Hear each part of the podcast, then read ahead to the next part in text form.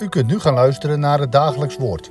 Dit is iedere maandag tot en met vrijdag om 10 uur, 3 uur en s'avonds om 7 uur. Deze meditatie wordt verzorgd door dominee Jongeneel.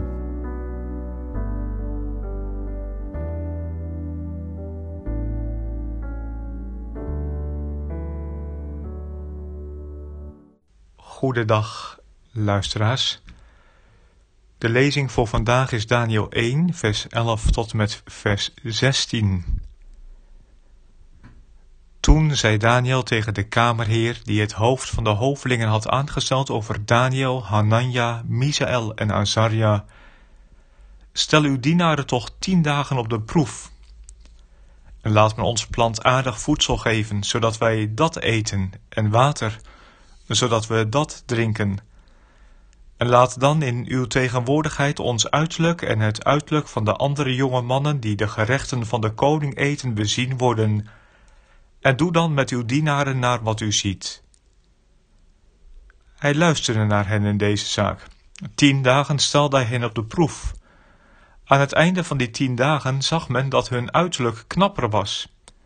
En zagen zij er gezonder uit dan al de jonge mannen die van de gerechten van de koning aten.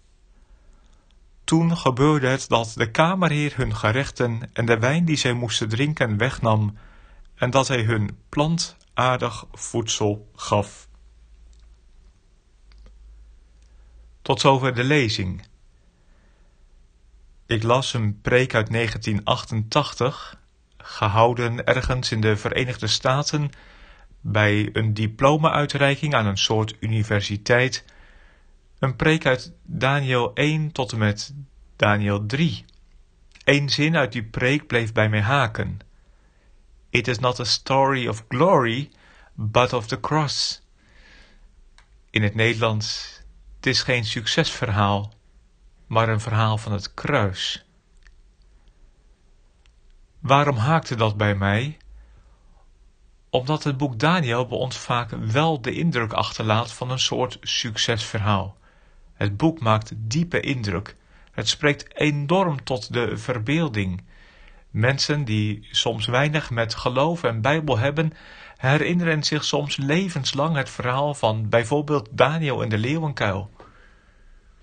Ja, die leeuwenkuil, de brandende oven en de andere beschreven gebeurtenissen in dit boek, het komt bij ons vaak over als een overwinningsgebeuren.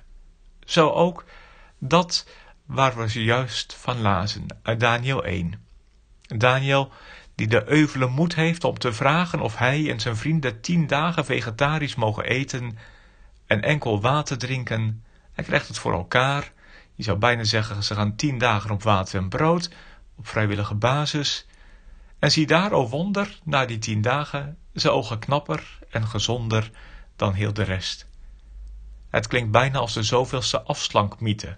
En misschien in onze dagen waarin gezondheid door velen als het hoogste goed wordt gezien, en velen toch vooral fit en vief en jong willen blijven, en er een bijna ongezonde belangstelling is voor alles wat met dieet en eten te maken heeft, zodat we nog steeds met de psalmist kunnen zingen, zij maken van de buik God. Misschien dat een of andere kookgoeroe of dieetspecialist in deze geschiedenis het begin ziet van een nieuwe succesformule en een nieuw recept voor gezond leven en gezond eten. Maar toch vooral, ja, het lijkt dus wel een story of glory, een succesverhaal. Maar vergis je niet, it's not a story of glory, but of the cross. In die preek uit de Verenigde Staten, bij die diploma-uitreiking tegen jongeren die op het punt stonden om met hun diploma's de wereld in te vliegen, daar hoorde ik die voorgangerzegger ik vind het niet makkelijk om dit allemaal te lezen, te horen, laat staan om ook zo te leven. Begrijpt u dat? Of houdt u misschien niet van een wijntje of van een lekker stukje vlees? Ach, mij persoonlijk raakt dat niet zo, vlees en wijn. Ik ben geen culinaire hoogvlieger. Ik geef er niks om. Het is aan mij niet besteed. Maar trek hem gerust breder. Nee zeggen tegen de geneugten van deze wereld bedanken voor de pleziertjes die je op een presenteerblaadje soms aangeboden krijgt. Een buitenbeentje zijn, doet u dat graag? En bij je voornemen blijven, ook als er op je wordt ingepraat om toch vooral overstag te gaan, om toch ook aan anderen te denken en het niemand lastig te maken, geen dwarsligger te zijn en geen dwarsdenker, geen spelbreker, maar gewoon mee te doen, want kom op, zo erg is het toch niet. En kom op Daniel, waar doe je nou eigenlijk moeilijk over? Waarom moet je nou opeens zo streng zijn? Kan het echt niet wat makkelijker? Geef iets toe toch? Is dat, is dat aantrekkelijk, vindt u? Zo bij je voornemen blijven tegen, tegen van alles in? Gaat dat niet heel erg tegen het vlees in? Om het zo dan maar even te zeggen, met een knipoog naar de woordspeling, tegen het vlees ingaan. Maar ook in volle ens vanwege de inhoud, gaat dat niet heel erg tegen het vlees in? It's not a story of glory, but of the cross. Daniel en zijn vrienden gaan hier de weg van het smalle pad, vergis je niet. Het paleis waar zij verblijven is als een gouden kooi. In vreemdelingschap verkeren zij, in ballingschap, ver van huis en haard. In een bedreigende, intimiderende, dwingende wereld. In een wereld vol van andere goden zoeken zij de God van hun vaderen trouw te blijven. In een wereld die een andere taal spreekt, zoeken zij naar de taal van de schrift te blijven leven, tegen alles in. Ik zie er al iets van onze Heer Jezus Christus in oplichten, inderdaad. It's not a story of glory, but of the cross. Geen succesverhaal, maar kruisevangelie.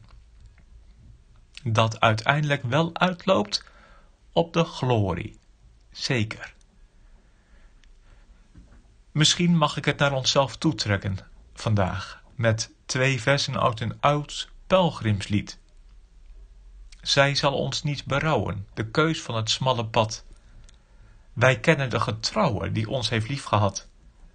Vest al uw hoop op hem, dat ieder het aangezichte ginds naar de Godstad richte. Daar ligt Jeruzalem. Moog ons de weg vermoeien, oneffen zijn de baan, waar scherpe distels groeien en telkens kruisen staan, daar is geen andere weg. Wij volgen altijd verder, als schapen onze herder, door struiken heen en heg. Of met vier verzen uit een nieuwere berijming van datzelfde lied van vreemdelingen en ballingen. Het zal ons niet berouwen de smalle weg te gaan. Hij riep ons de getrouwe en hij ging zelf vooraan. Komt, en vertrouwt op hem die u is voorgetogen en richt uw hart en ogen vast op Jeruzalem. Maar reist gij op uw wijze, dan reist ge nog niet goed. De rechte pelgrimsreize is tegen vlees en bloed. Hoe zoudt ge zonder pijn uw oude mens verlaten? Geen medicijn kan baten, er moet gestorven zijn kunt het soms niet harden en wordt uw weg een kruis als dorens u verwarden. T is toch de weg naar huis. T is toch uw weg alleen. Welaan dan gaan wij verder met onze trouwe herder door alle diepten heen. Wij gaan als ingekeerden stil door een vreemd gebied verachten voor de wereld die men niet hoort of ziet maar geeft men op ons acht, dan hoort men hoe wij zingen van onze grote dingen. Wij weten wat ons wacht. Zo zij het. Laten we samen bidden. Onze Vader, die in de hemelen zijt, uw naam worden geheiligd, uw koninkrijk komen uw wil geschieden, gelijk in de hemel, zo ook op de aarde. Geef ons heden ons dagelijks brood. En vergeef ons onze schulden, gelijk ook wij vergeven onze schuldenaren. En leid ons niet in verzoeking, maar verlos ons van de boze. Want van u is het koninkrijk, en de kracht, en de heerlijkheid, tot in eeuwigheid. Amen.